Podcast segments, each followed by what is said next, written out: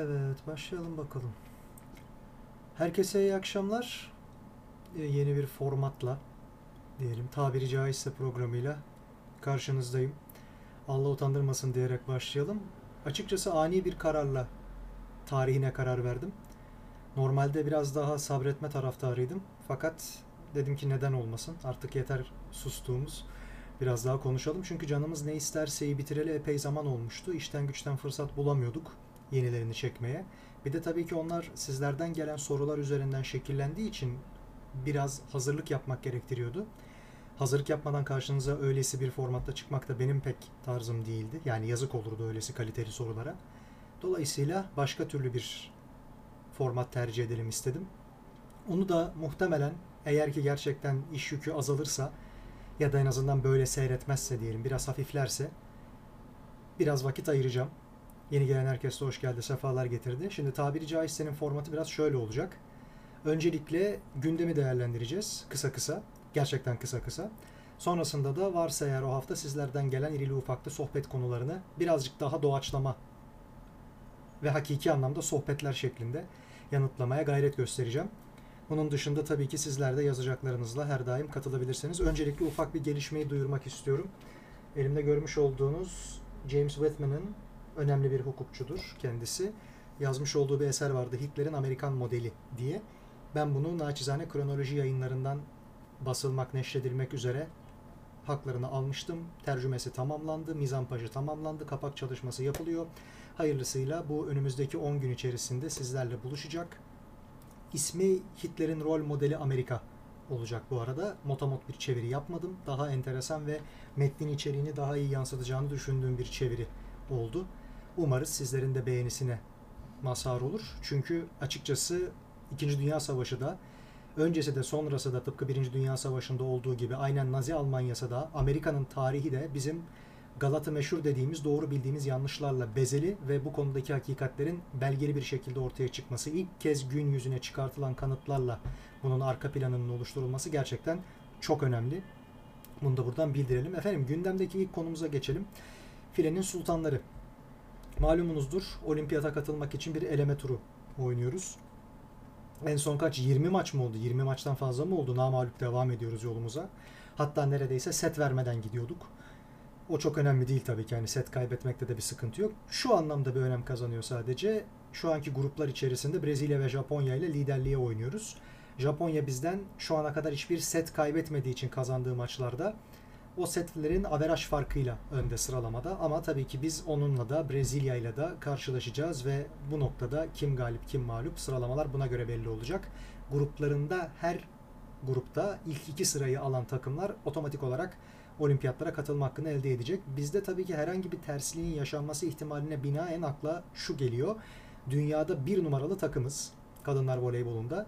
Dolayısıyla en ufak bir aksilikte diyelim gene herhangi bir sıkıntı olmaksızın gene de biz önümüzdeki yıl olimpiyatlardan bir kontenjan kazanabileceğimizi düşünüyoruz. Umarız ona gerek kalmaz. Şu an çünkü erkekler basketbol milli takımı için de benzer bir durum söz konusu. Olimpiyatlara doğrudan katılmak diye bir şey söz konusu değil. Bir sonraki sene eleme gruplarına kalabilmek adına bir ön eleme oynamıştık. Orada maalesef hani final maçında diyelim oranın Hırvatistan'a mağlup olduk. Sıkıntılı bir şekilde mağlup olduk ve önümüzdeki yıl bir takım farklı lobi faaliyetleriyle ve hazırlık turnuvalarını vesaire düzenleyerek oradan bir kontenjan elde etme ihtimalimiz var. Bunun için muhtemelen çabalayacağız. Aynı durum kadınlar voleybolunda da söz konusu olabilir fakat biz işi buraya bırakmadan gene önümüze gelene hani panzer gibi diyelim en azından yıkıp geçtiğimiz türden muameleler yaparak gücümüzü yansıtarak bir şekilde bileğimizin hakkıyla o kontenjanı alabiliriz diye düşünüyorum gerçekten de son dönemlerde göğsümüzü kabartan birincil öğe kadınlarımızın voleybol takımının, milli takımının başarıları. Aynı şekilde kulüp takımlarının başarılarını da burada dile getirmekte fayda var. Çünkü onlar olmadan, oyuncularımız orada hazırlanmadan, parlamadan, yeteneklerini sivriltmeden katiyen milli takımlarda bu kadar başarılı olamazlar. Yani milli takım bir şeylerin zirvesi en iyilerin toplandığı yer. Dolayısıyla o en iyilerin yetişmesi, parlaması, performanslarında form tutmaları bunların hepsi kulüp takımlarındayken gerçekleşen hadiseler. Çok önemli takımlarımız var. Avrupa'da artık başa güreşen. Fenerbahçe ve Eczacıbaşı, tabii ki Vakıfbank. Bunun yanı sıra THY'nin çok önemli atılımları var. Bunları yok sayamayız. E tabi biraz müessese takımları ve kulüpler, camialar savaşına da dönmüş durumda. Fakat her ne olursa olsun ülke voleyboluna çok büyük bir hizmettir. Bütün takımların yaptığı. Geri kalan dinamikleri ayrı bir sohbette ele almakta fayda var. Şu noktada ben gücü bize denk bir takım olduğu kanaatinde değilim. Öyle ki işte Milletler Ligi'nde de en son Avrupa Şampiyonası'nda da neredeyse kaybedeceğimizi düşündüğümüz maçlarda bile hep kendi hatalarımız yüzünden veya konsantrasyon eksikliğimiz yüzünden o duruma düştüğümüzü ama yeteneklerimizle toparlanmayı bildiğimizi açıkçası ben müşahede ettim. Onu gördüm. Ya bu şu demek oluyor. Diğer takımlar bizden daha yetenekli değil. Biz onlardan daha yetenekliyiz. Her bakımdan da açıkçası bunu gösterebiliyoruz. Sadece yeter ki düşüşler yaşamayalım. En basit şeyleri yapmakta sıkıntımız olmasın ve tabii ki bu noktada kondisyoner ekibe de çok önemli bir en azından tebrik ve takdir faslına ihtiyacımız var. Çünkü oyuncularımızın fiziksel açıdan bu kadar zorlu bir sporda, bu kadar uzun süren rallilerde vesaire hiçbir şekilde fiziksel açıdan düşmediklerini, düşüş göstermediklerini görüyoruz. Bu gerçekten karşılanması hiç kolay olmayan bir fiziksel tempo ve bunu sağlamak çok büyük bir iş, çok büyük bir başarı. Tebrikleri hak ediyorlar sonuna kadar. İnşallah bu durum böyle devam eder. Her ne olursa olsun bizim bir takım sporunda Avrupa'nın zirvesinde yer almamız milli formayla da tabii kulüpler bazında da aynı şey geçerli. Her şeyden daha önemli ülkenin tanıtımı, ülkemizin içerisindeki genç sporcu adaylarının bir şekilde hani takviye veya teşvik olması demeyelim ama en azından ilham kaynağı en başta olması. Yani biz şampiyonları gördüğümüz zaman ikincileri değil hatta birincileri gördüğümüzde tabii en çok mutlaka ki pek çok sporcu hatta pek çok yetişkin geleneksel sporların haricinde veya dahilinde hangi spor branşı olursa olsun oraya mail ediyor. Yani biz burada şampiyonluk mu kazandık? Hemen herkes o şekilde lakaplar takılmaya başlanıyor. En iyi sporcu hangisi ise seni ona benzetiyorum vesaire gibi veya herkes ondan olmaya çalışıyor. Tıpkı küçüklüğümüzde hepimizin futbolcuları seçip seçip veya basketçileri ben şu oluyorum ben bu oluyorum diye mahalle maçlarında vesaire veya halı sahada şurada burada onları taklit etmeye çalışmamız gibi. Tabii ki gençlerimize, evlatlarımıza çok büyük bir ilham.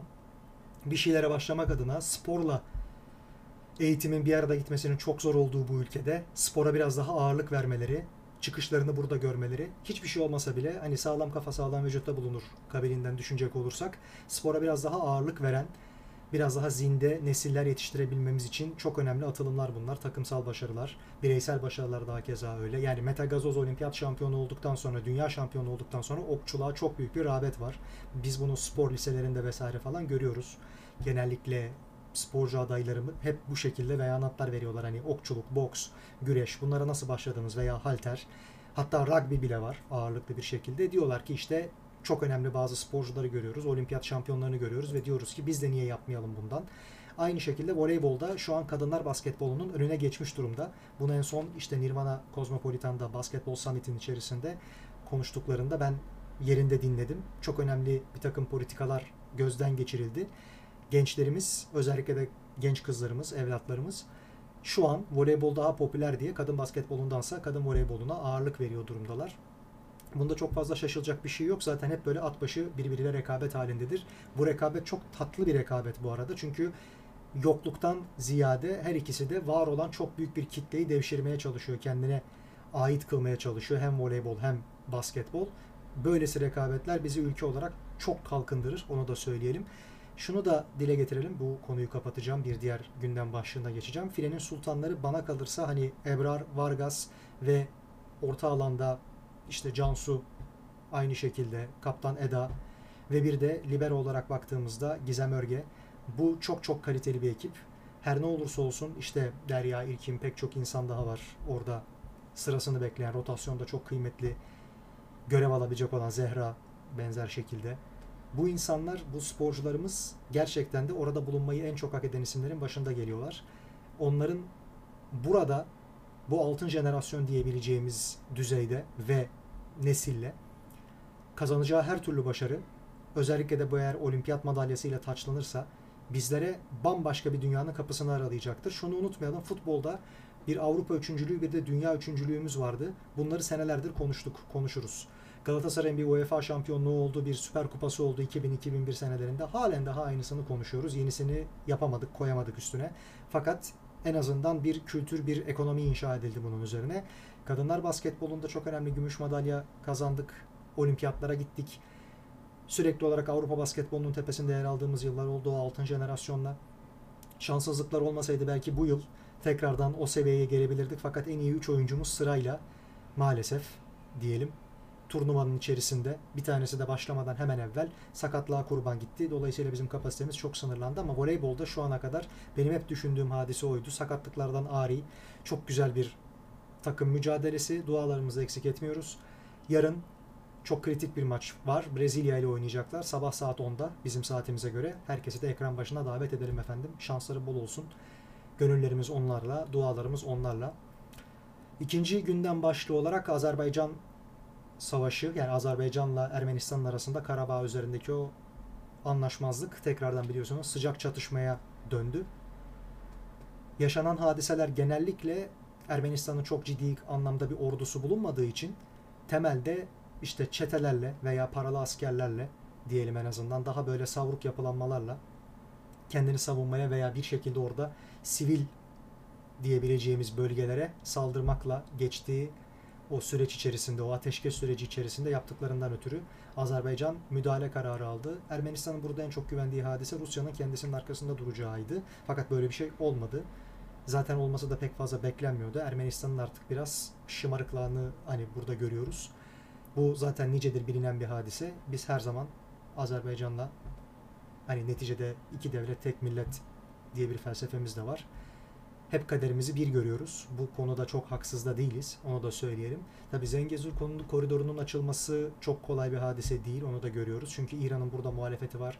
Ermenistan'ın en azından Paşinyan'dan çok fazla yaka silktiğini ve yerine başka birisini getirmeye çalıştığını vesaire artık biliyoruz ama bir şeyler değişeceği zaman Ermenistan'ın kendi milli politikalarını burada dayatması pek muhtemel değil. Çünkü onların artık davası diye bir şey varsa bile bu artık ölü diyebileceğimiz safhaya geçti onların herhangi bir şey istediklerini biliyoruz ama yani herhangi bir şeyden kastım şu ne olursa olsun istediklerini biliyoruz. Çünkü gerçekten çok sıkıntılı durumdalar. Ülkenin ekonomisi çok kötü. Yatırım diye bir şey yok. Hani Cem Toker'in ben hatırlıyorum konuşmalarını. Orada hani süpermarket dediğiniz şey burada hani nohut oda bakla sofa diyebileceğimiz kadar ufak bir bakkal hiçbir şey yok neredeyse ve onları ayakta tutan tek şey saldırgan bir milliyetçilik. Burada da eğer bir savaş kaybediyorlarsa o milliyetçilik çok büyük bir darbe alıyor demektir.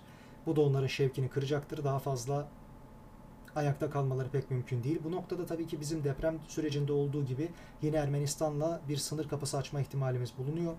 Bu her zaman gündemde. Bu tabii ki yol kuşak projesi kapsamında veya başka türlü alternatifler kapsamında Ermenistan'ı da, Azerbaycan'ı da, Gürcistan'ı da, Türkiye'yi de işin içerisine katan bir takım ulaşım güzergahlarının değer görmesi anlamına geliyor. Ben sınırların değişebileceği kanaatindeyim. Sınırların olmasa bile nüfus bölgelerinin el değiştirebileceği kanaatindeyim. Bunları daha yoğun bir şekilde ele alırız ama çatışmalar şu noktada Azerbaycan lehine sonuçlandı ve en sonunda herkes Karabağ'ın Azerbaycan toprağı olduğunu kabul etti.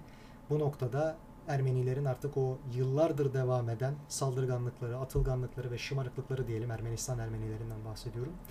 Ve o üst yönetimin kendine has bir takım antikalıkları biraz son bulacak, sesleri kesilecek gibi görünüyor. Biz her zaman kardeşlerimizin yanındayız. Azerbaycan'da bulunan her türlü Türk vatandaşı bizim de vatandaşımızdır. Onu da söyleyelim tekrardan. Umarız tabii ki sivil bölgeler hiçbir şekilde zarar görmeksizin bu çatışmalar son bulur. Neticede bizim gördüğümüz kadarıyla Azerbaycan ordusu hiçbir şekilde sivil altyapılara veya sivil yerleşim bölgelerine saldırıda bulunmadı. Bu da tabii ki Türk'ün savaş töresine, adetlerine, teamüllerine çok önemli bir uyum anlamına geliyor. Bir üçüncü başlık gündemde bunu da kapatalım. Üçüncü başlığa geçelim. Türkiye Türklerindir sloganı tekrardan gündeme geldi.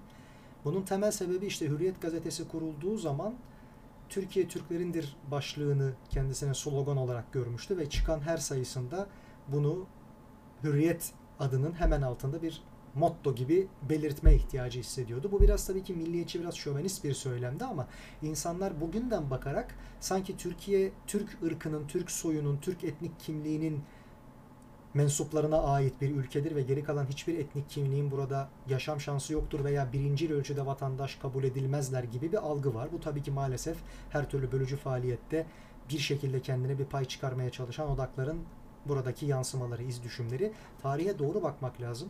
Çok kısa geçeceğim. Çok aslında uzun bir fasıldır Türkiye Türklerindir denmesinin temel sebebi. Yani bir yandan Kıbrıs'la, bir yandan NATO'yla, bir yandan işte Kore Savaşı'nın olduğu dönemler tabii 48'den bahsediyoruz henüz Kore Savaşı yok ama bir yandan da Yalta Konferansı sonrasında Sovyetlerle uğraştığımız bir dönemdi bu. Ve o dönem içerisinde Türkiye Türklerindir dememizin yegane sebebi yani Hürriyet gazetesinin simavilerin böyle bir başlıkla çıkmasının yegane sebebi her türlü büyük gücün, dış gücün başta Sovyetler Birliği olmak üzere Türkiye topraklarında gözünün olmasıydı. Çıkarlarını burada görmeleriydi ve buraya ilişkin bir takım planlar yapmalarıydı.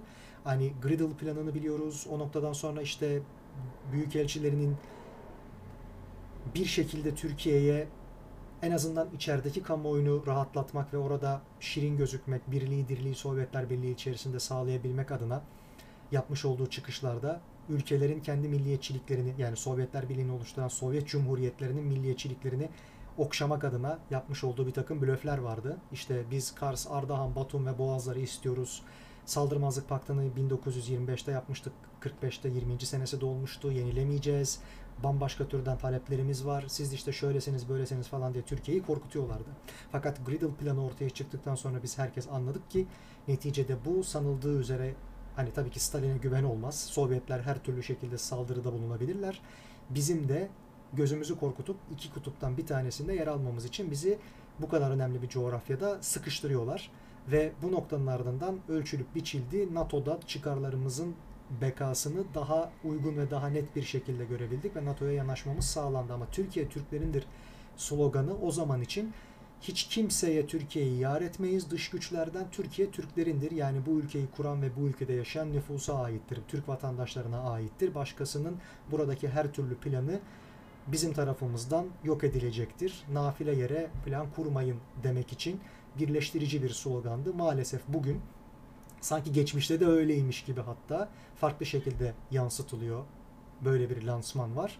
Biz bunu tabii ki üzücü yani üzücü buluyorum çünkü ben temelde en çok şunu düşünüyorum. Bu ülkeyi birleştirecek olan pek çok unsur var ve bizim bunlara daha da fazla ihtiyacımız var. Fakat bölmek adına en ufak bir farklılığı, en ufak bir hani nokta virgül hatasını veya kelime tercihini bile bambaşka şekilde yorumlayan çok fazla mahfil de var. Bunlar üzerine kafa yoran, çalışan ve yaraları kaşımaya çok meraklı. Bir tanesini bitirdiğimizde, kapattığımızda hemen bir diğerini ortaya çıkarmaya çok meraklılar. Çünkü burada kaosun olması onların işlerine geliyor. Onu da söyleyelim. Ama özetle Türkiye Türklerindir lafı bahsettiğim türden bir geçmişe sahip böyle bir arka planı var. Sanıldığının aksine belli bir etnik grubu ön plana çıkarıp diğerlerini ikincileştirmeyi vesaire ötekileştirmeyi planlamıyor. Böyle bir amacı yok. Bir diğer gündem Birleşmiş Milletler'in 78. Genel Kurulu'ydu. Bir zirve tertip edildi. Çok sayıda ülke başkanı çıktı konuştu. Bizim Sayın Cumhurbaşkanımız Recep Tayyip Erdoğan da konuşmasını yaptı. Konuşmasının içerisinde gene Dünya Beş'ten büyüktür atfı mevcuttu. Ben konuşmanın tamamını dinledim.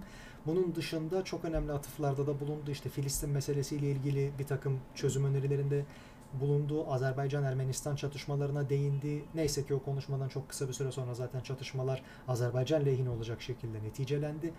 Ve tabii işin içerisinde bir de bu sefer dikkat çeken hadise Vladimir Putin'in Rusya'da, işte Orban'ın Macaristan'da ve başka ülke liderlerinin de Gürcistan'da vesaire benzer ülkelerde çok fazla üstünde durduğu ve bazı Batı ülkelerinde tepkisini çeken uygulamalar vardı. İşte LGBT propagandası yapılıyor ve bunun aslında dışarıdan Soros vakıflarıyla, Açık Toplum Vakfı ve benzeri oluşumlarla belli bir art niyet doğrultusunda pompalandığını biliyoruz. Böyle bir sponsorluğun aile birliğini bölüp parçalayıp nüfusun artmasını engellemek ve toplumun en küçük ama en temel taşı olan aile müessesesini yaşanılamaz hale getirip toplum düzeninde bozmak gibi bir propagandası var. Ve hatta işte naçizane ben de editörlüğünü yapmıştım. Kürşat Mican'ın Aileni ve Neslini Koru Sapkınlığa Dur de isimli kitabı da neşredildi. Bu da kanıtlarıyla çok çetin bir şekilde böyle bir mücadelenin dünya çapında verildiğini, bu farkındalığın artık oluşması gerektiğini farklı boyutlarıyla ele alıp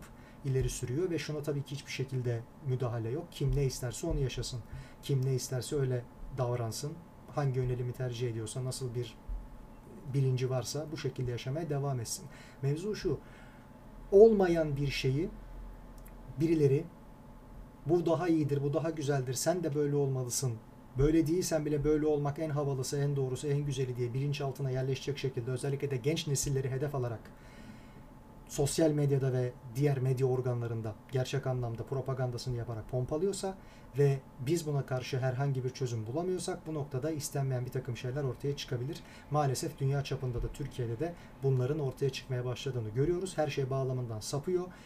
Adeta hani kendi bayrağına falan da sahip olduğu için söylüyoruz. Bir siyasi ve kendine ait adeta dini inançmış gibi bir propagandaya dönüşüyor. Özünden, samimiyetinden kopuyor, bağlamından saptırılıyor, bambaşka bir hale getiriliyor. Bunun olmaması lazım. Bu da aslında bölücü değil, birleştirici bir şey olması gerekirken başka çıkarlara alet ediliyor ve bir organize bir iş.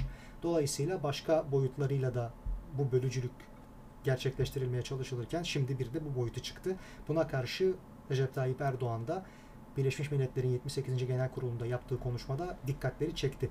Dedi ki biz de Türkiye olarak aile toplumunun muhafaza edilmesinin, geleneksel değerlere sahip çıkılmasının, bunların asimile edilerek yok edilmemesinin taraftarıyız. Devamında da böylesi çekilecek bir dikkatle şer odakların ülkeleri en belki de olabilecek sıkıntılı şekilde bölüp parçalaması mümkün olabilir. Eğer bu propagandalar devam ederse ve çok fazla yansıma bulursa, ülkeler bu konuda bir şey yapmazsa buna karşı dikkatleri çekelim, duyarlılık gösterelim, hassasiyet gösterelim. Bir farkındalık yarattı. Bunu da belirtmekte fayda var. Devamında çok ilginçtir. İran'ın devlet reisi yanılmıyorsam çıktı konuştu ve insanlığı kurtuluşa götürecek olan Mesih'in şu an hayatta olduğunu belirtti. Bu açıkçası maalesef ve maalesef Mesihçi inancın veya işte yurt dışında evangelizmin diyelim savunduğu bir hadise. Yani biz burada kıyameti bir an evvel getirmeye çalışalım ki bize kutsal metinlerde vaat edilen Mesih ortaya çıksın, dünyayı yok olmaktan kurtarsın, insanlığı yok olmaktan kurtarsın, altın çağı başlasın, inananlar cenneti yaşasın, inanmayanlar savaşlarda yok olsunlar ama işte Tanrı Kral'ın tekrardan yeryüzüne inmesi veya Mesih'in, Mehdi'nin vesaire böyle şeyleri amaçlayanlar da var ve onlar da neticede Birleşmiş Milletler'de bunu dile getirdiler. Bu artık maalesef bir noktadan sonra işin hani mezhepsel boyutuna veya dini itikat değilse bile başka bir siyasi boyutuna işaret ediyor. Bunu da belirtelim. Bunun dışında herhangi önemli bir gündem maddesi olmadı bildiğim kadarıyla 78. Genel Kurul'da. En azından bizi ilgilendiren kısmı buydu. Şöyle ilginç bir durum var açıkçası. Hindistan biliyorsunuz son zamanların yükselen yıldızı. Bunu 3 aşağı 5 yukarı hemen hemen herkes görüyordur. Evet bir Çin kadar bir Amerika kadar veya İngiltere kadar dünya basınında yer bulmuyor. Fakat özellikle nüfus, altyapı ve üretmeyi tercih ettikleri sanayi ürünlerinin çeşidi sebebiyle Hindistan her daim yükselen bir değer olma niteliğini sürdürüyor. Bu niye önemli? Şimdi biz açıkçası Türkiye'nin lojistik konumu sebebiyle Hindistan'ın ise böylesi bir üretim gücü, nüfusu ve aynı şekilde altyapısı sebebiyle yakın dönemde Çin'den ve Amerika'dan dünya üretimini, ticaretini devralabilecek en kilit iki aktör olduğu kanaatindeydik. Bu konuda ben yalnız değilim. Fakat Hindistan yakın zamanda iki enteresan eyleme imza attı. Şimdi evvela şuna bir değinmek lazım. Hindistan'ın en temel yarası Pakistan'dır. Hint Müslümanlarıdır. Belli bir dönemde 40'ların sonunda ülkenin gerçek anlamda Müslüman olan kesimini bir sınırla onlar ayrı bir ülkede kalacak şekilde bölüp parçalamayı düşünmüşlerdi. O zaman halen daha sömürge yönetimi devam ediyordu. Gandhi'nin olduğu zamanlar işte Muhammed Ali Cinnah'ın önderliğinde bir Pakistan kuruldu. Maalesef Cinnah uzun ömürlü olamadı. Çok göremedi o Pakistan'ın şahlanışını, palazlanışını. Fakat Çin her daim Pakistan'ı destekler, Rusya ve Amerika'da Hindistan'ı destekler ve Hindistan'la Çin'i bu şekilde çatıştırırlardı. Adeta Suudi Arabistan'la İran'ın çatışmalarına benzer bir şekilde. Hindistan'la Çin'in rekabeti halen daha devam ediyor. Fakat nasıl ki birileri Çin'i besliyorduysa Rusya'da teknolojik know-how aktarımını, transferini diyelim, teknik bilgi transferini özellikle de askeri alanlarda ve enerji alanında Hindistan'a en çok yapan ülke oldu. Şimdi onların bir işbirliği var. Aynı şekilde Çin'in Rusya'nın doğu bölümünü hem nüfus hem de teknik altyapı bakımından adeta istila etmesi söz konusu. Bunları da biliyoruz. Hindistan çok yakın zamanda bir harita açıkladı. Yeni bir güzergah. Çin'in planlamış olduğu ve eski İpek yolunu, baharat yolunu diriltmeye dair bir de üstüne kutupların erimesi sebebiyle kuzeyden bir kutup yol kuşak rotasını çizmesine dair enteresan bir güzergah oluşumu vardı. Hindistan'da bunu alternatif olarak kendi güzergahını açıkladı bir haritayla. Şimdi herkes üç aşağı beş yukarı İsveç'in, Finlandiya'nın NATO'ya alınmasının sebebini Ukrayna-Rusya savaşı olarak görüyor. Bu bir açıdan tabii ki doğru. Temel hani tetikleyici sebep bu. Fakat en önemli sebep kutupların güzergah olabilmesi ihtimali. Ticarette yeni bir alternatif rota oluşturabilmesi ihtimali var. Buzullar eridiği için, Kuzey Kutup Denizi ulaşıma açıldığı için ve bunun Rusya kıyılarının dışında Avrupa için en önemli iki tane aktörü Norveç'i bağımsız bölge kabul ederek herkesin çıkar birliği yaptığı enteresan bir bölgedir Norveç. Onu ayrı tutarak diyelim. Finlandiya'nın ve İsveç'in burada kilit önemi var. Onların NATO tarafında yer alması Amerika'nın da Avrupa Birliği'nin de en önemli çıkar boyutlarından bir tanesi. Aynı zamanda zaten Rusya saldırırsa Finlandiya'yı aşması hayli kolay. Savunmayı İsveç'ten başlatacaklar. Bu da tabii ki ayrı bir önem teşkil ediyor. Bu jeostrateji ve jeopolitiği unutmamak lazım. Hindistan'ın önerdiği rota şu an çok komik. Gerçek anlamda adeta hani blöf yapar veya dikkatleri buraya çekmek istercesine bir güzergah tercih etmişler. İşte Bombay'dan Birleşik Arap Emirlikleri'ne oradan yani oraya bir deniz yoluyla ulaşım var. Hürmüz Boğazı'nın içine giriyorlar. Fakat İran kıyılarıyla işleri yok. Birleşik, Birleşik Arap Emirlikleri'ne geliyor o sevkiyat. Devamında karayoluyla veya tren yolu diyelim ona Riyad'a gidecek. Suudi Arabistan'da oradan Hadita'ya gidecek Irak'ta ki Irak çok karmaşık durumda şu an. Hani Türkmen cephesini biliyoruz. Kerkük'te resmi değil Türkçe oldu. Tebrikler. Bunu da ayrıca biliyoruz. Hani Erşat Salihi başta olmak üzere pek çok oradaki Türkmen cephesi önderi buraya dikkatleri çekiyordu. Burada enteresan çatışmalar devam ediyor. Desteklerinizi bekliyoruz diye. Tabii ki her daim desteklerimiz onlarla. Elimizden geldiği kadar diyelim. Ama burada Irak'ta bir güzergah seçip oradan Irak'tan İsrail'deki Hayfa'ya, Hayfa limanına indirecek şekilde bir planlama var. Hayfa'dan da sözüm ona deniz yoluyla belki Kıbrıs'ı da işin içine katacak şekilde Yunanistan'da Pire limanına gidecek. Oradan da Avrupa'ya dağılacak gibi görülüyor. Veya bu petrol boru hattı da olabilir eğer bir enerji transferi söz konusuysa.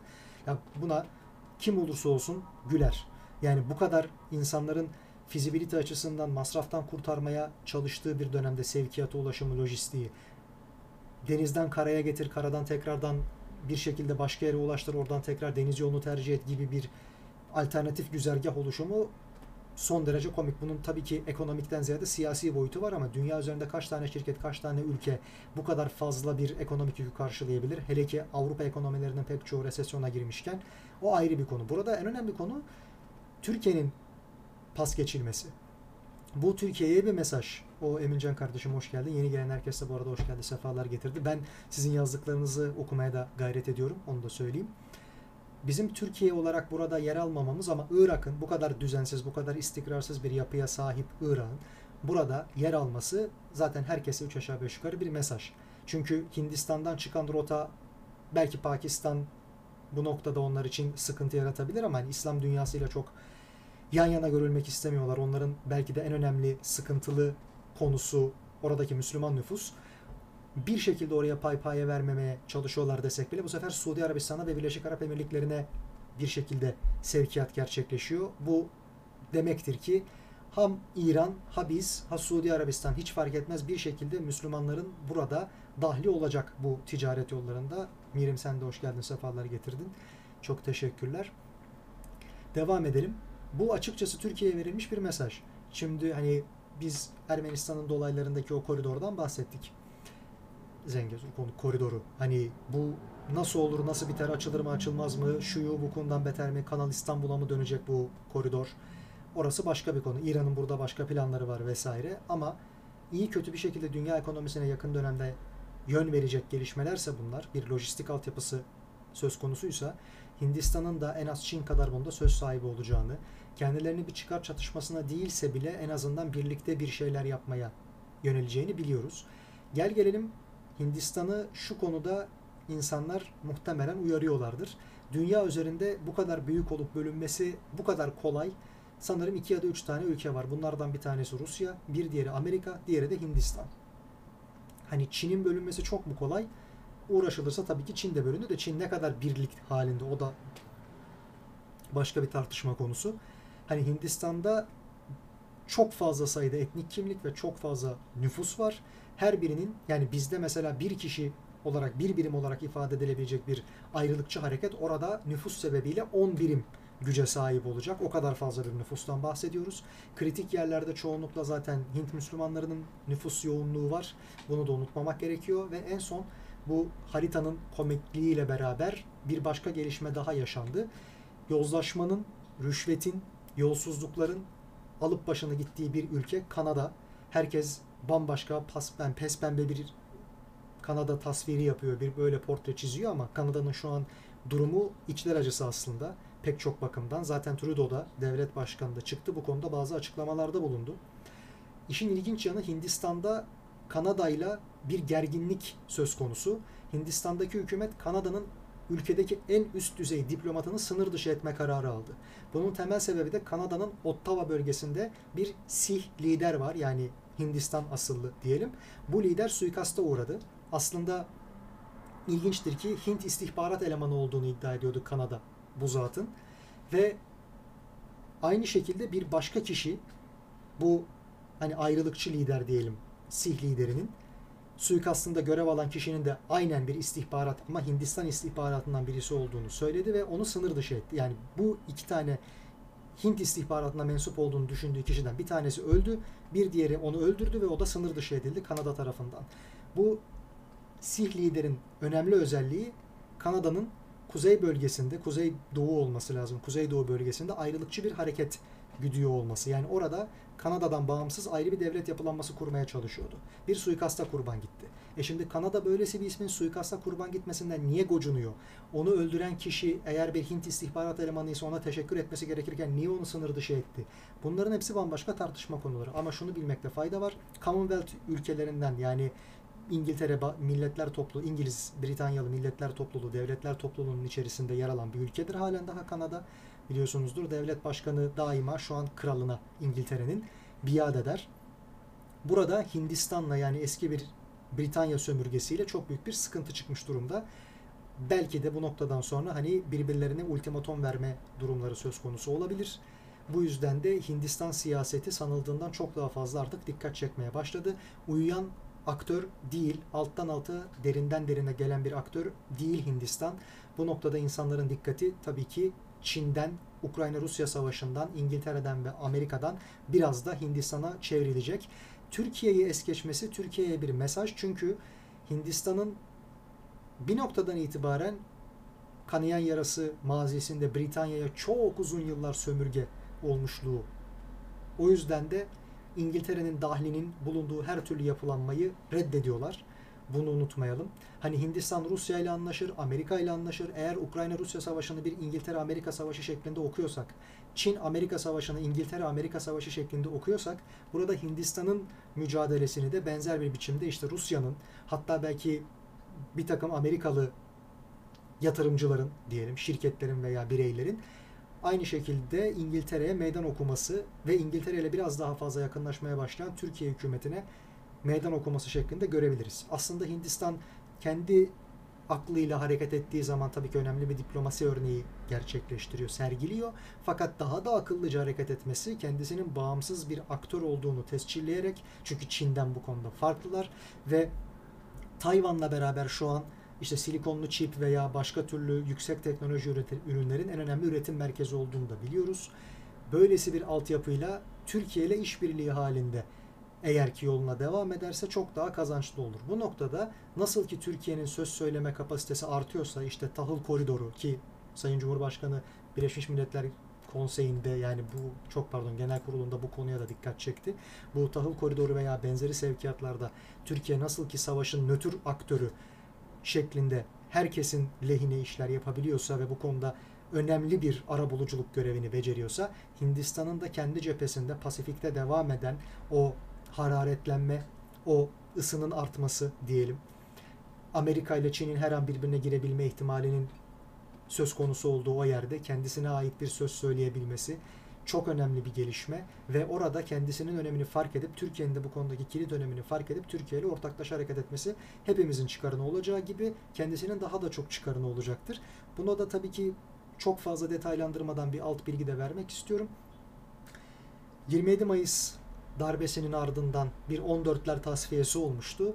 Milli Birlik Komitesi'nin Şahin kanadı iktidarı sivillere hemen devretmek istemeyen belli bir süre askeri junta iktidarında yönetimin devam etmesini savunan kanattan pek çok isim 14 tane isim yurt dışına ateşe militer olarak gönderilmişti ve bildiğim kadarıyla sivil değil askeri büyükelçi olarak gönderilen son nesildi onlar.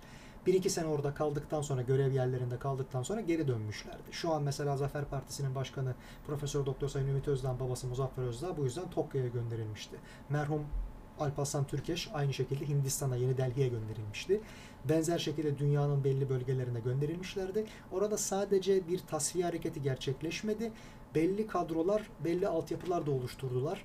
Hani hücre midir değil midir bunu başka şekilde ele almak lazım. Bunu uzmanları konuşmalı. Fakat bizim tahminimiz kadarıyla en azından benim tahminim kadarıyla Nasıl ki Cumhuriyet kurulunca bir 150'likler tasfiyesi gerçekleşti ama o tarihin bize anlattığı, bizim de hep varsaydığımızdan farklı bir anlam içeriyordu. Bu 14'lerin tasfiyesi de çok farklı bir anlam içeriyordu. Çünkü çok kısa süre sonra tekrar ülkeye dönmeyi başardılar.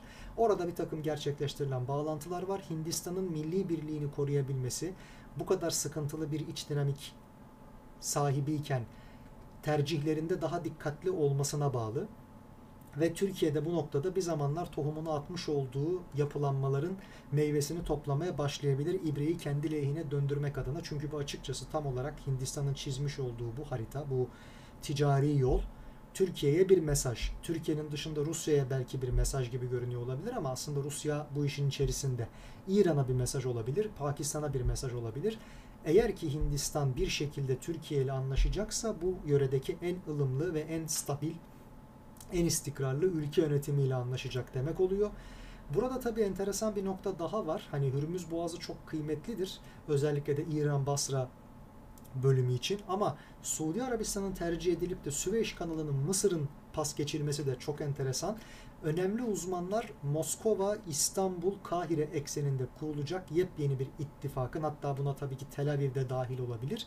Böylesi bir ittifakın çok daha kıymetli olup dünyanın geleceğine yön verebileceğini düşünüyor. Avrupa Birliği'nin bu kadar sıkıntıya girdiği, özellikle de nüfus bakımından çok sıkıntıya girdiği ama bir şekilde göç almak bakımından da çok hasis davrandığı, dikkatli davrandığı ama bir yerden sonra belki de yelkenleri suya indirmek durumunda kalacağı dönemden geçerken Türkiye'nin bunca kaçağı, sığınmacıyı burada depo etmesi belki de bir başka yönden de Avrupa'ya mesaj vermek için önemli bir koz.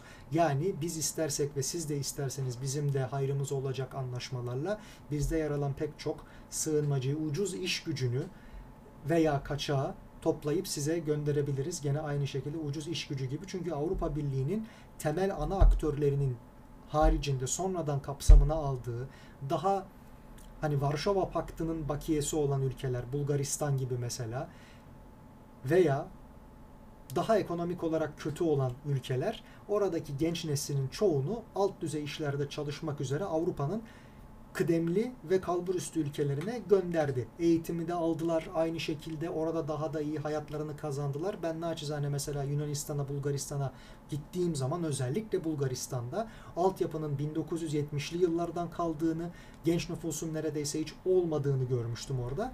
Bunun temel sebebi çok daha yüksek ücretlere ve çok daha kaliteli bir hayatı Avrupa Birliği'nin diğer ülkelerinde vize sıkıntısı, oturma izni sorunu olmadan elde edebiliyor olmalarıydı. Fakat o nüfus da yetmiyor artık.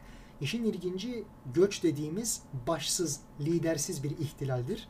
Dolayısıyla onu yönlendirmek çok kolay değildir. İnsanların taşkınlık yapması çok daha muhtemeldir ve işin içerisine her daim provokatörler, ajanlar, görevliler vesaire karışabilir. Türkiye için şu an bu büyük bir tehdit fakat Avrupa için daha büyük bir tehdit. Unutmayalım koronavirüs skandalı Çin'in bir ürünüymüş gibi pazarlandı ama Avrupa'da en çok bunun sıkıntısını çeken yer İtalya oldu. Niye? Çünkü çok sayıda kaçak Çinli işçiyi orada çalıştırıyorlardı. Bu arada ifşa olundu. Bütün dünya kamuoyuna yansıdı. Benzer biçimde orada çalışacak nüfusa ve özellikle de genç nüfusa ihtiyaç var artmıyor nüfusları. Belli bir yaşam standartına sahip olduktan sonra insanlar üreyip çoğalmayı düşünmüyorlar. Nüfus artışı çok düşük bir yüzdeye tekabül etmeye başladı. Türkiye'de de yavaş yavaş bu maalesef bir tehlike halini almaya başlıyor. Dolayısıyla temelde Avrupa'nın eğer sıkıntısı nüfussa doğudan gelecek olan kıtlık, kuraklık, iklim değişikliği vesaire sebebiyle olduğu kadar savaşlardan da olacak şekilde buraya çok yoğun bir nüfus akışı gerçekleşebilir. Bu çok öngörülüyor yakın dönemde. Ama şunu da unutmamak lazım. Sanılmasın ki Avrupa burada yok olacak. Avrupa hani Nuh tufanından itibaren kavimler göçü de dahil olmak üzere, sömürgeler dönemi dahil olmak üzere pek çok kez nüfus sıkıntısı yaşadı. vebayı gördü, kara ölüm. Bunun yanı sıra kıtlığı gördü, felaketleri gördü. 100 yıl savaşlarını, 30 yıl, 7 yıl savaşlarını, iki tane dünya savaşını gördü. Buna rağmen nüfus olarak tükenmedi. Daima kendisini bir şekilde yüksekte tutup yeni gelenleri kendi alt tabakası haline getirecek bir nüfus planlamasını gerçekleştirdi. Öyle kolay kolay teslim bayrağı çekmezler. Roma İmparatorluğunu yıkan Cermen kavimlerde, kuzeyli kavimlerde aslında Roma'nın nüfusunu yani bütün Avrupa'nın nüfusunu tahkim ettiler, kuvvetlendirdiler. Benzer biçimde bunu Slavlar da başardı. Kuzeyliler, Normanlar, Vikingler. Sonrasında kavimler göçünde de biliyorsunuz neticede aynı şey gerçekleşti. Ne zaman ki orada bulunan elit kendisi kendi çıkarına zarar vermeyecek şekilde yeni nüfus akışını kabul eder. İşte alt kademelerin genetiği değişiyormuş, soyu değişiyormuş, nüfus planlaması kimlik olarak başka bir boyut alıyormuş. Onların umurunda değildir. Yeter ki burada bizim emrimizde çalışacak olan, bizim işimizi görecek olan nüfus artsın. Fark etmez derler. E biliyorsunuz çok kültürlü bir yapısı vardır Avrupa Birliği içerisindeki ülkelerin. İşte Afrikalı azınlık sebebiyle Fransızların başı ağrımaya çok başladı. İngilizlerin hakeza şu an Hint asıllı çok fazla üst düzey bürokratik yetkilisi var. Amerika'nın da benzer şekilde başkan yardımcısı bir Hint asıllı Kamala Harris. Bunların temel sebebi Hindistan'la yakın politika gütme isteği ama aynı zamanda oradan gelebilecek olan göçmen adaylarının, potansiyel göçmenlerin bir şekilde cazibesini kazanabilmek yani onları cezbedebilmek. Neticede şunu unutmayalım. Dünya üzerinde eğer pek çok göç sıkıntılı ülkelerden hep batı ülkelerine Amerika'ya vesaire oluyorsa bunun temel sebebi yıllar yılı başka ülkelerin değil Amerika'nın ve özellikle de BBC gibi İngiltere'nin batı Avrupa ülkelerinin diyelim propagandalarıyla, televizyon ve yayın kaynaklarıyla kendi ülkelerinde bir şekilde tanıtımlarını yapmış bulunmaları. Yani bütün ülkeleri ölçüp biçip kaç tane millet varsa biz hangisine gidersek daha rahat yaşarız diye düşünmüyor. Sıkıntılı ülkelerin nüfusu. Kapağı nereye atabiliriz? Bir rüya olarak, taşı toprağı altın yer olarak bildikleri tek yer Amerika veya Avrupa. Ha gerçektir değildir bu sadece reklamları propagandadır o başka bir boyut ama diğer ülkelerdeki yaşam daha sıkıntılı olduğu için Amerika'ya gidiyor değiller. Bu bir tercih sebebi değil. Oturup uzun uza diye düşünüp karar vermiyorlar. Can havliyle bildikleri tek şey uzun yıllardır oraya propagandasını sokmuş Amerikan televizyonları vesaire olduğu için orayı düşünüyorlar. Kafalarında hep orası kalmış oraya gidiyorlar. Bizde de bu böyleydi. Avrupa'ydı, Amerika'ydı. Bunun sebebi bu. Aynı şekilde yeni dönemde de daha fazla basın yayın organının, sosyal medyanın girmiş olduğu yerde göç almayı istedikleri yerlerin en azından temsilcilerini kendi hükümetlerinde barındırarak bambaşka işler yapabiliyorlar. Bu arada Türkiye'ye de bu noktada Avrupa Birliği'nin nüfusunu belki biraz kalkındırabilecek kadar en azından temel akını sağlatacak nüfusu içinde barındırmak önemli bir koz. Yani biz sadece bakın isterseniz sınıra yığarız bizim göçmenleri veya mültecileri, sığınmacıları, kaçakları vesaire demekle kalmıyoruz. Eğer gerçekten bizim istediğimizi yapmazsanız sizin nüfusunuzu arttırabilecek olan yegane acil pansuman tedbir bizim sınırlarımız dahilinde biz onu size göndermeyiz demek de önemli bir koz. Maalesef bu savaş içerisinde biz bayağı bir sıkıntı çekmeye devam edeceğiz. Çünkü onların bakımına çok fazla hazineden bütçe harcanıyor ve ekonomimiz bu noktada çok fazla iyi bir imtihan vermiyor maalesef. Bunu da tekrardan belirtelim. Ha nasıl oluyor da Yunanistan ve İsrail Mavi Vatan veya Doğu Akdeniz'deki işte enerji kaynakları vesaire konusunda temel bir anlaşmaya vardılar. Bu da tabii ki şaşılacak bir mevzu. Samimi değil, geçici bir başkasının yaptırmış olduğu, zorlayarak yaptırmış olduğu bir anlaşma gibi görünüyor. Çünkü Kudüs söz konusuysa Yunanistan'ın temsil ettiği Ortodoks kilisesi katiyen ve katiyen Yahudilerle anlaşamaz. Dolayısıyla Güney Kıbrıs'ta da bir sıkıntı var. Girit Adası da bu noktada çok önemli. Ortada sıkıntı var. Rodos'ta da ama bu işbirliği geçicidir. Çünkü Yunanistan kendi başına karar alabilen bağımsız bir devlet yönetimi görünümünde değil. Ermenistan'la Yunanistan arasındaki anlaşmaya temelde Rusya veya Britanya ile Yunanistan'ı şu an en fazla tahkim eden Fransa ve Amerika arasındaki bir anlaşma gibi bakmak lazım. Bunlar adeta hani veraset savaşlarının vesayet savaşlarının daha doğrusu yeni bir safhası gibi. Eğer birileri Çin'le Amerika'yı karşı karşıya getiriyorsa bir noktadan itibaren belki Çin'le Hindistan'ı karşı karşıya getirmeye çalışacak. Böyle devam edecek. Ana aktörler yani galibin kim olacağını tayin edenler de bir köşesinde oturup bunu seyretmeyi sürdürecek. Ama ekonomik düzen değişiyor fakat bu dünyanın daha evvel görmediği bir şey değil. Hindistan'ın bu çizmiş olduğu harita ise çok büyük bir blöf. Bunun uygulanma ihtimali zaten yok. Siyasi algılarla çizilmiş, ekonomik algılarla değil, pratik değil. Bu yüzden de ekonominin bu kadar sıkıntılı olmaya başladığı bir dönemde şu güzergahın gerçekleştirilmesi hiç kimseyi mutlu etmez. Dolayısıyla realiste değil diyerek bu konuyu da noktalayalım efendim. Bir sonraki günden başlığımız Elon Musk'ın beyin implantı girişimi Neuralink. Artık her türlü izni aldı gerekli ülkelerden. Deneylere başlıyorlar ve bize söylenen hadise böylesi bir teknolojinin Alzheimer gibi, demans gibi, Parkinson gibi pek çok beyne bağlı hastalığın erken teşhisi ve sonrasında da tedavisi konusunda çığır açıcı bir takım yeniliklere sebebiyet verebileceği yani bunlara gebe diyorlar. Hani herkes tepki gösteriyordu ya bize çip takacaklar işte deri altına bir şeyler yerleştirecekler kimi ülkelerde bu oldu kimileri buna zaten gönüllü geçiyor bizi oradan takip edecekler veya telkinler yoluyla başka bir şey yapacaklar vesaire diye maalesef evet böyle bir safa gerçekleştirildi ve bize şu sunum diyelim en azından böyle bir projenin bize bu kadar süslü püslü bir şekilde sunulması sevimli, kabul görebilir hatta hastalıklar söz konusu olduğu için belki elzem kabul edilecek pek çok insan gönüllü bir şekilde adeta kan vermeye koşar gibi belki de çipletmeye kendini koşacak. Bu uzun vadede nereye varabilir? Bunun için gündemdeki bir diğer başlıktan alıntı yapmak istiyorum naçizane. Biliyorsunuzdur Cerrahpaşa Tıp Fakültesi'nde yanılmıyorsam bir tane profesör ki kendisinin FETÖ bağlantısı da olduğu ve bu yüzden de zaten daha evvelden çalışmış bulunduğu pek çok kurumdan da dışlandığı, tasfiye edildiği, kovulduğu gündemdeydi. Kendisi bir çocuk psikoloğu ya da psikiyatrı. Tam net burada bilmiyorum ayrıldı. Çünkü önemli olan nokta o değil. Şu ispatlanmış Timur Soykan'ın, gazeteci Timur Soykan'ın bir özel haberiydi.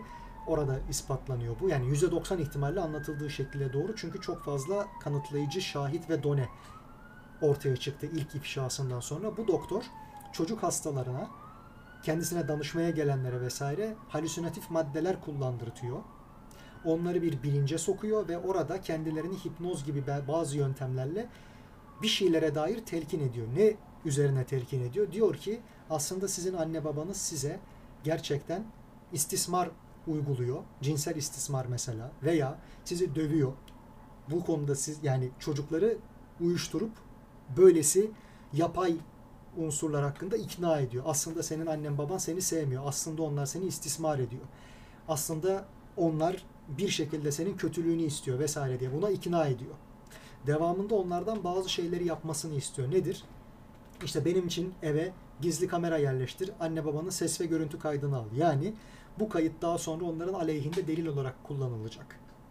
Maalesef FETÖ'nün böyle teknikleri olduğu biliniyordu. Başka şekilde uyguluyor diye biliniyordu. İşte maalesef Ebced hesabıyla başka şeyler, Cifir, Ebced, Havas vesaire gibi uygulamalarla insanları haşa huzurdan diyelim başka manevi varlıkların etkisi altına alabildikleri, bu frekans aracılığıyla onlara başka şeyler yaptırıp beyin kontrollerini ele geçirebildikleri söyleniyordu. Bunun çocuklar üzerinde sivil görünümlü bir otoriteyle bir telkin ve halüsinatif madde kullanımı üzerinden gerçekleştirildiği açıklandı.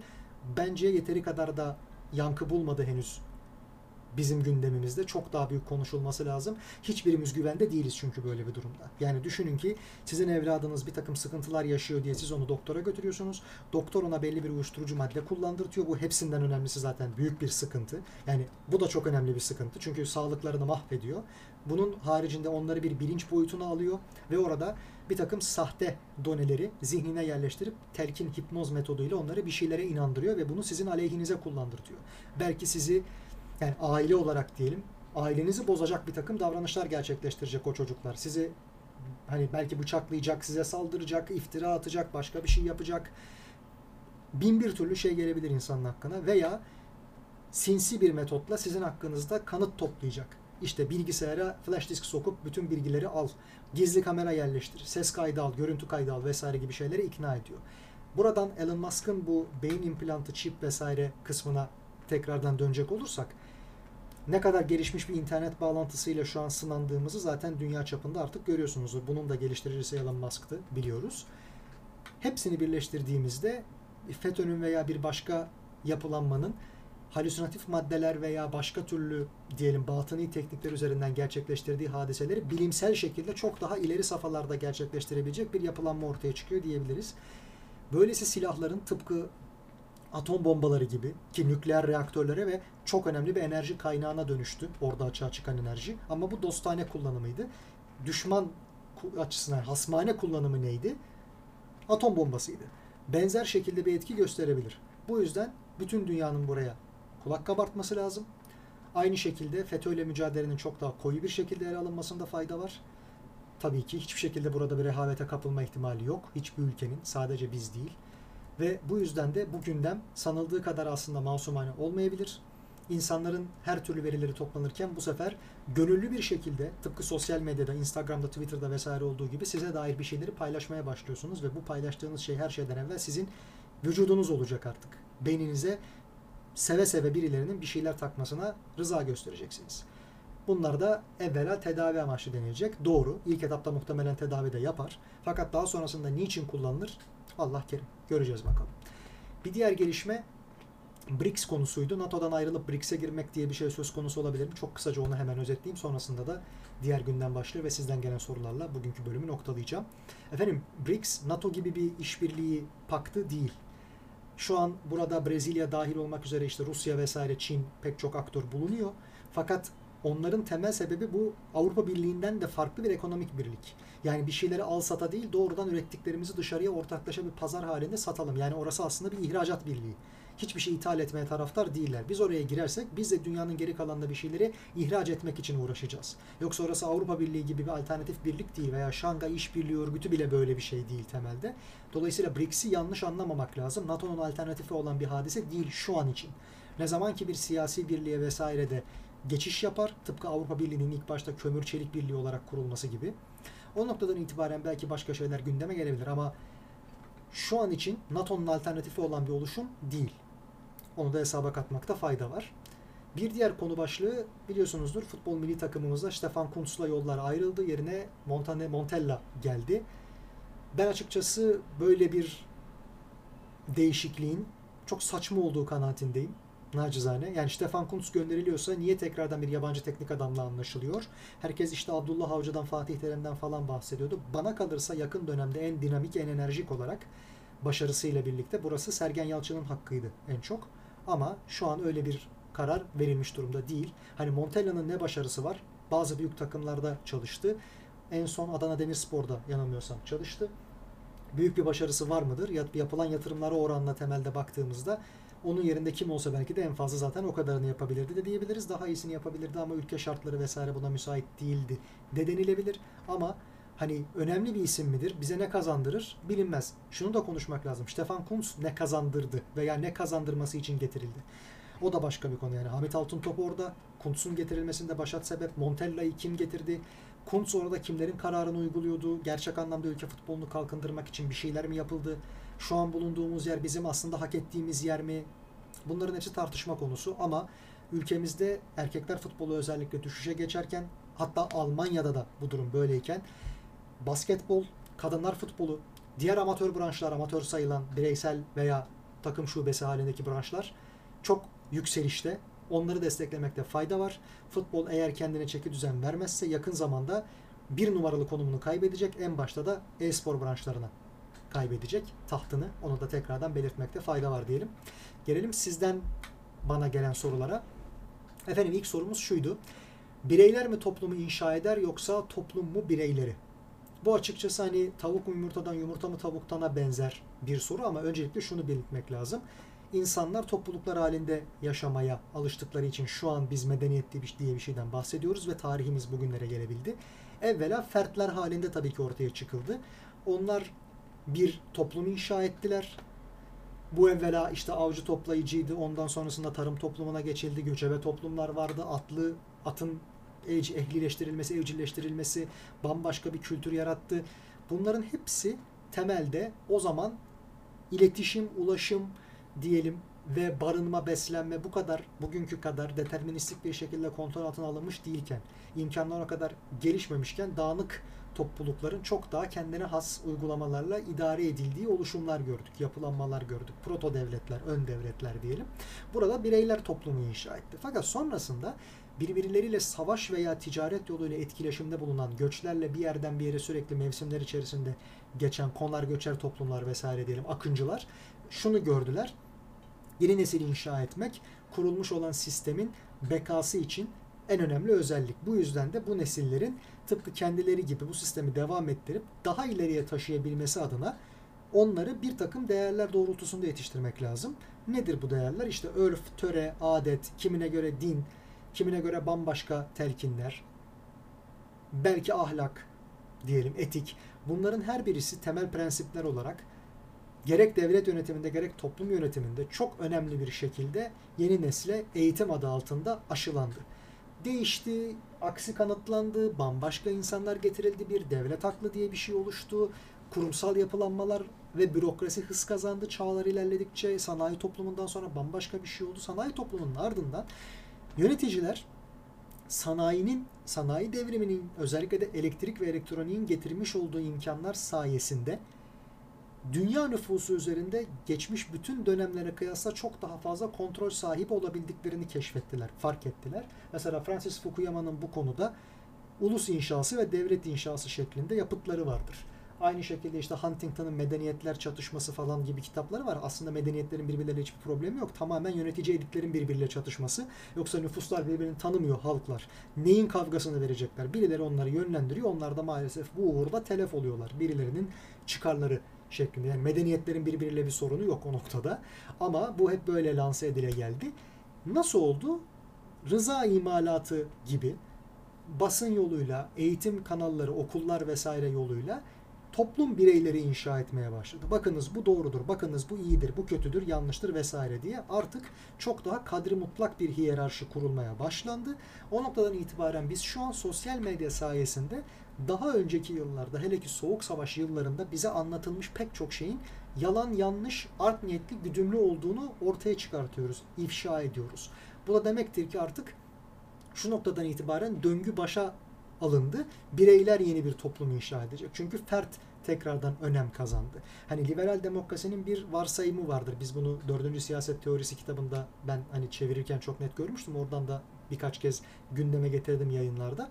Efendim liberal demokrasi insanların bütün toplumsal kimliklerinden, mensubiyetlerinden bağımsız ve onlardan azade arındırılmış bir şekilde birer fert olarak ele alınması, birer tüketiciye çevrilmesi anlamına gelir. Örgütlenmesini istenir ve kişi kendi için yaşasın, kendine yatırım yapsın ve kazandığı 3-5 kuruş parayı da tekrardan bütün üretim kaynaklarını, satış kaynaklarını elinde bulunduran eğitler her kimse onların sattığı mallar için harcasın. Kendinin de bir birikim kalmasın ve bunu kar maksimizasyonu adı altında, verimlilik adı altında sürekli olarak şirketlerin veya varsa eğer devletler o üretim zinciri içinde devletlerin namı hesabına çalışacak, faydasını görecek şekilde yaşasınlar, öyle tüketsinler. Bu noktadan itibaren liberal demokrasi toplumları bireyselleştirdi, yalnızlaştırdı. Şu noktadan itibaren de eğer sosyal medya diye bir şey çıktıysa biz gerçek bilgiye ve geçmişte üstü örtülmüş diyelim en azından sırlara çok daha rahat erişebiliyorsak insanlar bilgi sahibi olanlar, merak sahibi olanlar birbirleriyle başka hiçbir kanala ihtiyaç duymadan bir otoritenin yönlendirmesi olmaksızın doğrudan iletişim kurabiliyorsa, erişebiliyorsa artık bu noktadan itibaren tekrardan bireylerin toplumu inşa etmeye başladığı yepyeni bir çağın içerisindeyiz demektir. O yüzden özet geçiyorum. Çağların en başlangıcında insanlık ortaya çıktığında bireyler bir toplum inşa etti, meydana getirdi. Sosyal medyanın ortaya çıkışı, elektronik devrimi yapılana kadar, hele internet ortaya çıkana kadar elde ettiği güçle sürekli işte din olabilir, bilim olabilir, askerlik olabilir, başka türlü doğrular, manifestolar, milliyetçilik akımları vesaire olabilir. Burada toplum bireyleri dizayn etti, inşa etti. Şimdi tekrardan bambaşka felsefeler ışığında, bambaşka aforizmalar ışığında artık ideolojiler çağı kapandı çünkü. Bunların yalan dolan olduğu, bir takım güdülenmeler ve ayrıştırmalar, çatıştırmalar için üretildiği ortaya çıktı. Suni şeyler oldu. Bu noktadan itibaren yepyeni bakış açıları doğrultusunda toplumlar bireyleri değil, bireyler toplumları inşa edecek. Öyle bir safhaya giriliyor efendim. Geçelim bir diğer gelen soruya. Hayatta her şey psikoloji midir? Hayır değildir bireyler açısından konuşacak olursak yani bizim için de her şey psikoloji değil. Ha her şey psikolojimizi etkiler mi? E tabii ki etkiler. İyi ya da kötü, az ya da çok mutlaka ki bizim moralimiz, keyfimiz, düşünce tarzımız yani ruhumuz, manevi yönümüz etrafımızdaki şartlardan veya gelişmelerden sadır, münezzeh, azade değil. Yani oradan bağımsız bir şekilde yaşamıyor. Ot olmadığımız için, bitki olmadığımız için yaşadığımız her şey bizi iyi kötü etkiliyor ama her şey psikoloji mi? Yani biz psikolojimiz biraz bozuldu diye bütün hayatımızı tepe taklak mı ediyoruz? Hayır. İnsanların kendi nefsine hakim olması, olayları büyütmemesi, dayanıklılığı vesaire zaten her şeyin psikoloji olmasını engelliyor. Ha bir de şöyle bir yansıması var. Her şey bizim aslında zihnimizin içinde. Yani bizi kendi kendimizi motive edecek olan da biziz, kahredecek olan da biziz. Aslında sınırlar bizim zihnimizin içinde. Başkalarının bizi kenetlemesine veya bölmesine imkan tanımadan biz kendimizi hep yönetmeliyiz, ikna etmeliyiz. Bu belli oranda tabii ki doğru. Yani kişinin meydan okumaları kendi içindeki bir hesaplaşmanın ürünüyse ben en iyisi olacağım. Ben aslında buradaki en güçlüsüyüm. Kimse benim önümde duramaz vesaireyi kendi içindeki psikolojik unsurlar sebebiyle söylüyorsa ne mutlu ona. Yani hiç kimsenin onu pışpışlamasına, övmesine, eleştirmesine, yermesine falan gerek kalmadan kendi muhasebesini yapabiliyorsa ve gerçekçi bir şekilde devam ediyorsa ne ala. Ama her şey psikoloji midir? Hayır. Yani bizim psikolojimiz bozuk olsa da işler yolunda gidebilir veya tam tersi de olabilir. Dolayısıyla bizim hayatımızda çok önemli bir belirleyici etkendir. Doğrudur. Mutluluğumuzu, huzurumuzu, bugünlük veya geleceğe ilişkin kararlarımızı ya da geçmişe dair değerlendirmelerimizi belirleyebilir. Bu konuda büyük bir pay sahibidir ama her şey demek değildir psikoloji. En önemli konu başlıklarından bir tanesi son dakikada bana gelen bir soru oldu. Efendim Aziz Yıldırım ve Koç ailesi üzerinden Batı ve Doğu'nun Fenerbahçe'yi ele geçirme savaşı. Bu gerçekten ilginç bir konu başlığı. Buna kısaca değineceğim. Ondan sonra da yayını noktalayacağım. Bir saati doldurduk nitekim. Şöyle söylemekte fayda var. Şimdi biliyoruz ki 2011'de bir şike skandalı süreci yaşandı. O zaman başka şekilde lanse edilmişti medya aracılığıyla. Daha sonra hakikatlerin başka türlü olduğu anlaşıldı. Ama burada temelde hiç kimsenin kim haklı kim haksız bakılmaksızın siyah ya da beyaz kadar temiz ya da kirli olup olmadığı gündeme geliyorsa eğer hiç kimse masum değil. Sadece bir tanesi, bir tane odağın derdi bambaşka. Yani ülkenin en fazla üyesi bulunan sivil toplum kuruluşunu özellikle de sportif başarılar bakımından kurumsal yapılanmasını tamamlamış. Gerekirse inorganik fon pompalamasıyla yani Aziz Yıldırım'ın kendi bütçesinden harcadığı diyelim fonlarla da parayla da bütçeyle de e, bambaşka yerlere gelebilme ihtimali görülmüş amatör branşlar bakımından ülkeye en fazla milli sporcu yetiştiren yapılanma halini almış bir Fenerbahçe kulübü vardı. Önü kesildi mi? Kesildi. Başka birisi onu ele geçirmeye çalıştı mı? FETÖ başta olmak üzere pek çok yapılanma. Evet. Ama şu unutulmasın. Bu ülkede en az FETÖ kadar tehlikeli başka yapılanmalar da var. Ve böyle bir savaş varsa eğer işte Sayın Cumhurbaşkanı'nın temsil ettiği kanatla FETÖ'nün çatışması spora da yansıdıysa bir sivil toplum kuruluşu olarak diğer takımlarda olduğu gibi, diğer camialarda olduğu gibi Fenerbahçe'de ele geçirilmeye çalışıldıysa burada kazanan tertemiz, kaybeden de tamamen kirli diye düşünmemek lazım. Çatışanların her iki tarafı da muhtemelen belli oranda zaten sıkıntılıydı. Bu yüzden gerçeklerin ortaya çıkması bu kadar uzun sürdü. Kazananlar tarihi elbette yazanlardır. Şimdiden gördüğümüz kadarıyla bir masumane üslup ortada. Biz tabii ki Aziz Yıldırım'ın temsil ettiği her ne varsa onu FETÖ'ye tercih ederiz. Yani bu kesinlikle bambaşka bir şekilde algılanmasın. O konu hani devlet elden gidiyor, devlet dediği feryat doğruydu. Ama bir vakitlere dek hükümetin nasıl ki o dönemki hükümetin FETÖ ile el ele kol kola yürümesi söz konusuysa veya geçmişteki bütün hükümetlerin neredeyse 1950'li yıllardan itibaren benzer bir durum Fenerbahçe'de de söz konusuydu. Belli bir çıkar çatışması yaşandı. Belli gruplar birbirleriyle kavga ettiler ve burada galip gelen ilk etapta belki Aziz Yıldırım kanadı değildi ama sonrasında o oldu. Neyse ki zaten FETÖ galip gelmedi. Ha şu sıkıntı var. Niye tekrardan bir kavga, bir savaş gündeme geliyor? Şu an Türkiye'nin en büyük sermayedar ailesi, yerli sermayedar ailesi, Cumhuriyet'le de yaşıt olan aile Koç ailesi. Onlar Fenerbahçe'nin yönetiminde bir numaradalar. Sportif başarı anlamında bakılacak olursa yönetimde bulunduğu süre içerisinde erkekler futbol branşında istenen başarı gelmedi. Ama bunun haricinde pek çok branşta Aziz Yıldırım dönemindeki kadar olmasa bile gene de Fenerbahçelilerin göğsünü kabartacak ve o branşta bir numara olduklarını, ülke çapında rakipsiz olduklarını düşündürecek kadar başarı geldi.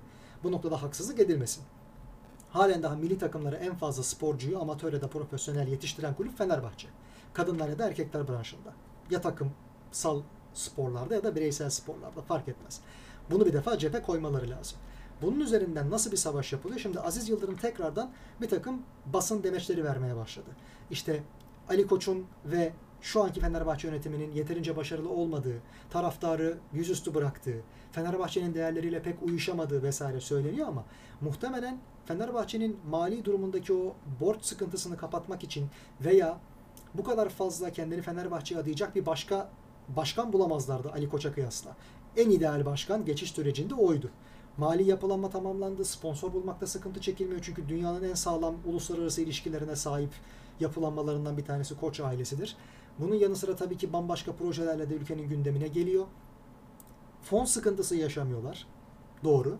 Ha federasyon konusunda eskisi kadar Fenerbahçe güçlü mü? Federasyon konusunda bence 3 büyükler, 4 büyükler hiçbir şey fark etmez. Hiçbir takım güçlü değil. Bambaşka odakların eline geçmiş durumda orası. Yani ülkedeki futbolu konuşmak için ayrı müstakil bir program yapmak lazım belki ama bence artık ülkede futbol namına konuşulacak bir şey yok. Yani tamamen oraya bakılmaması, oranın terk edilmesi ve diğer spor branşlarına yönelilmesi lazım. Çünkü maalesef ve maalesef hiçbir şey sahada kazanılmıyor. Sahada kazanılmasın diye de herkes elinden geleni yapıyor.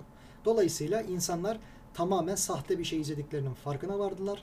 Üzerine tartışmaya da çok fazla gerek yok. Bizi peki Fenerbahçe içindeki bu kavga ne diye ilgilendirsin? Birincisi halen daha en dinamik, en göz önünde ve en fazla mensubu bulunan sivil toplum kuruluşu. Sporda çok önemli yerdeler. Ülke sporu için çok başka bir önem teşkil ediyor. İşte halkın takımı olmakla övünen iki büyük ekipten bir tanesi Beşiktaş'la birlikte Fenerbahçe. Kadıköy tarafı Anadolu yakası içerisinde en büyük kulüp. Oranın belki bayraktarı olarak görülüyor. Ha Aziz Yıldırım ve arkasındaki lobi aynı şekilde Koç ailesi ve arkasındaki lobiyle eğer bir çıkar çatışmasını tekrardan yaşıyorduysa tıpkı bu işte başkanlık seçiminde Aziz Yıldırım'ın rekor farkla hiç beklenmedik şekilde kaybedip Ali Koç'un kazandığı o seçimden bahsediyorum. Benzer şekilde Aziz Yıldırım tekrardan hani bana görev verirseniz ben oraya gelirim gibi beyanatlar vermeye başladı. Bu gerçekleşir mi veya Aziz Yıldırım'ın işaret edeceği birisi Ali Koç'tan sonra oraya gelmeye aday mıdır? Böyle bir yarış yaşanır mı? Bunu yakın zamanda göreceğiz. Bu zannedilmesin ki bizim yeni dönemde çekeceğimiz yabancı yatırımcılarla da doğrudan alakalı değil. Hayır doğrudan alakalı. Buraya kaç tane yatırımcı gelecekse bizim ülkemize yeni dönemde yani ekonomi bakanımız belli. Merkez Bankası Başkanımız belli. Onların şu anki hazine maliye yönetimi kimlerde belli. Onların şu an yapmaya çalıştıkları anlaşmaların elbette ucundan bucağından bir parçası Koç ailesi de olacak. Veya eğer NATO diye bir şey söz konusuysa bir NATO müteahhidi olan ve servetini bu doğrultuda elde eden Aziz Yıldırım da işin içerisinde bu savaşta bir kanat olarak yerini alacaktır. Bu demek değil ki kim kazanırsa kazansın ülke kazanacak veya kaybedecek. Hayır herkes mutlaka ki kendi başarısını göstermek adına o şubelerde başarının devam etmesi için gereken yatırımları yapar. Ama altını çizerek söylemekte fayda var. Bu çatışmada kazanan iyi, kaybeden kötü olmayacak. Herkesin temsil ettiği bir çıkar grubu var. Herkesin arkasında belli lobiler var. Bunların kendilerine ait belli işbirlikleri var. Bunun tabii ki kazanan kaybeden herkesin tırnak içerisinde söylüyorum eküri olma ihtimali de var. Yani kim kazanırsa kazansın birileri kazanacak. Veya kim kaybederse kaybetsin diğerleri kaybedecek diye de bakabiliriz. Açıkçası Aziz Yıldırım'ı veya Koç ailesini destekleyen odaklar aynı odaklar da olabilir. Bunu da hesaba katmakta fayda var. Böyle çok fazla sayıda maalesef oluşum dünya üzerinde söz konusu şunu çok iyi biliyoruz. Dünyanın en fazla gelir getiren ve en fazla sektörde yatırımı bulunan dört büyük holdinginin birbirlerinde de hisseleri var ve açıkçası bir çıkmaz sarmal oluşturuyorlar. Bunu da ayrı bir programda ele almak lazım. İşte Vanguard gibi şirketler vesaire. Burada da benzer bir durum söz konusu olabilir. Her yerde yatırım var. Kim kazanırsa kazansın onlar kazanacak. Kim kaybederse kaybetsin onlar kaybetmeyecek. Bu şekilde bir yapılanma da söz konusu olabilir. Ama Aziz Yıldırım döneminde sağlanan o başarı, o yapılanma, o çıkış Koç ailesinin döneminde tekrarlanmadı. Doğruya doğru. Ha bu ne kadar zaten sürdürülebilir olabilirdi? Çünkü 3 büyük kulüpten temelde veya 4 büyük kulüpten bahsediyoruz. Pek çok branşı da eğer hesaba katacaksak 3 büyük kulüp için konuşmamız lazım. Yani Beşiktaş, Galatasaray ve Fenerbahçe için. Fenerbahçe'nin bu kadar fazla atak yaptığı yerde diğer kulüplerimiz de bu kadar ona oya yani ne derler aşık atacak değil mi ama ayak uyduracak şekilde yatırım yapmazsa borçlanma konusunda gerekli hassasiyeti göstermezse, finansal fair play dediğimiz hadise veya bu konuda kulüplere bir denetim gelmezse, bunun yanı sıra kulüp satışlarına onay verilirse, işte o noktadan itibaren çarşı karışabilir. Çünkü devasa miktarda Cumhuriyet tarihinin belki de gördüğü en büyük borç yükü altında büyük kulüplerimiz. Futbol getirisinden çok götürüsü olmaya başlayan bir oluşum haline geldi. Herkesin temeldeki refleksi tıpkı İngiltere'de, Fransa'da, Almanya'da vesaire olduğu gibi veya Amerika'da önemli sermaye gruplarına buradaki başat takımları satıp kurtulmak, bu işten çekilmek. Bu tabi işte Abramovich'in gelip burada Adnan Oktar'dan kalma villayı satın alması, teknesini buraya marinaya yanaştırması, orada Chelsea'den dışlanırken gelip belki burada bir kulüp satın alması, İngiltere'de yanılmıyorsam Sheffield mıydı, Sunderland mıydı onun sahibinin gelip burada Göztepe'yi alması. Buna benzer şeyler üç büyük kulüpler için de tasarlıyor olabilirler. Bu noktada eğer Fenerbahçe AŞ haline getirilip ki yeni kanun buna müsait. Ben yakından incelediğim için biliyorum derslerde de anlatıyorum Bahçeşehir Üniversitesi'nde. Yeni kanunda her türlü sportif faaliyetiniz normalde siz bir derneksiniz evet ama kuracağınız bir şirket adı altında, anonim şirket adı altında bütün sportif faaliyetin gelirini giderini bütün faaliyet adı altındaki yetkilendirmeleri oraya devredebilirsiniz. Dernek sembolik hale gelir. Şirket üzerinden bu yatırım, bu branşlar sürdürülür ve oraya da siz dilediğiniz kadar ortak alabilirsiniz. Al sat yapabilirsiniz. Yani şirket el değiştirebilir, takımlar el değiştirebilir. Buna müsait bir yapı var. Bunun aksine konuşanlar iddia ediyorum kanunu incelememişler, bilmiyorlar. Yani derneklerin satış olmaz falan diyenler yanlış konuşuyor. Yeterince incelememişler kanunu. Şu an küresel sermayede her kim olursa olsun kulüplerimizin satışı için gerekli altyapı ortamı hazırlanmış durumda. Hukuki altyapıda, finansal altyapıda. Ez cümle eğer Fenerbahçe satılığa çıkarsa Koç ailesi de Aziz Yıldırım da mutlaka satın almak için şansını deneyecektir. Eğer başkanlık seçimini kazanamazsa bile. Ama tek başlarına mı olur? Bir konsorsiyum şeklinde ortaklık halinde mi olur? Acaba birbirleriyle ortak olarak da bu yönetimi üstlenebilirler mi? Orasını zaman gösterecek.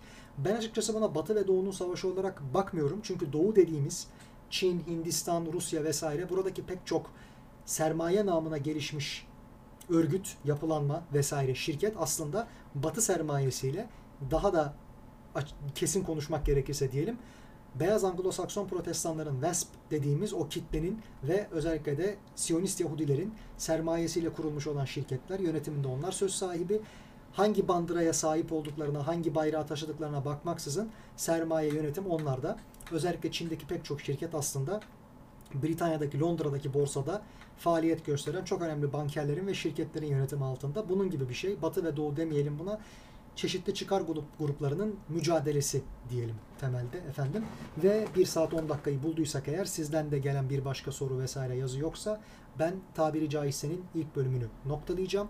Bundan sonrasında belki gene hazırlık safhalarında biraz faaliyet gösterebileceğim döneme gelirsek canımız ne isterse devam edebilirim. Haftada bir gün, bir günde tabiri caizse olur yorum programı şeklinde. Olmazsa da eğer belki ilerleyen günlerde tabiri caizse'yi haftada iki güne çıkartıp konuklu yayınlarda yapmaya başlayabiliriz. Hayırlısıyla diyelim. Öyleyse efendim ben katıldığınız için sizlere teşekkür ediyorum. Sürçülisan ettiysem, lafı güzaf ettiysem ilk bölümde affola. Her zaman olduğu gibi canımız ne isterseden bakiye şekilde İsmet Badem abimizin Dillere Pelesenk vecizesiyle yayını noktalamak istiyorum. Dudaklarınızdan tebessüm, kalbinizden basketbol sevgisi veya her neyi seviyorsanız işte onun sevgisi eksik olmasın diyelim efendim. Tekrardan görüşünceye kadar şen kalın, esen kalın, hoşça kalın.